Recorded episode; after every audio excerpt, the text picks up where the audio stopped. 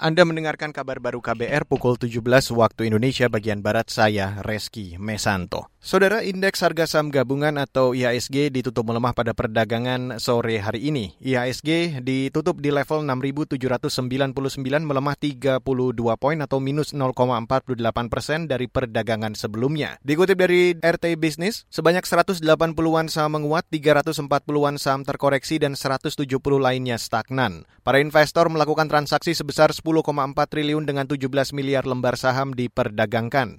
Sejumlah bursa saham utama Asia juga melemah kecuali Straits Times Singapura yang menguat 0,5 persen. Sementara nilai tukar rupiah juga melemah tipis 0,20 persen ke posisi 15.800 15.580 rupiah per satu dolar Amerika. Beralih ke berita selanjutnya, Saudara, rencana pemerintah memberi subsidi pembelian kendaraan listrik pada tahun depan terus mendapat kritik. Wakil Ketua Fraksi PKS di DPR, Mulyanto, mengatakan, rencana pembelian subsidi itu melukai rasa keadilan masyarakat, apalagi pengguna motor dan mobil listrik cenderung masyarakat kelas menengah atas. Adalah subsidi pada barang-barang pokok produktif, seperti pupuk, ya kan, listrik, gas, BBM, ini yang dibutuhkan masyarakat untuk masyarakat bawah ya, masyarakat kecil. Jadi kalau orang menengah ke atas sih jangan disubsidi, ya dilepas pada mekanisme pasar. Harusnya begitu, kalau nggak tidak adil ini. Wakil Ketua Fraksi PKS di DPR RI Mulyanto juga mengecam sikap tidak adil pemerintah mengelokasikan dana subsidi. Menurut Mulyanto, pemerintah gampang menggelontorkan subsidi triliunan rupiah untuk masyarakat mampu.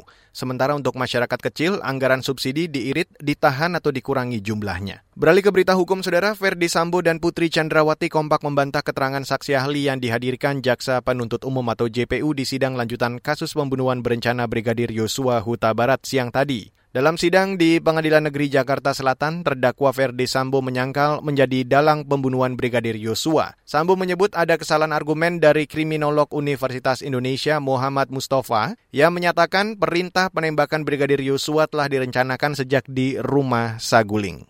E, karena sangat disayangkanlah apabila konstruksi yang dibangun oleh penyidik adalah konstruksi yang tidak secara menyeluruh diberikan kepada ahli sehingga hasilnya juga tidak akan konferensif dan justru subjektif di mana penyidik ini menginginkan semua dalam rumah itu harus jadi tersangka.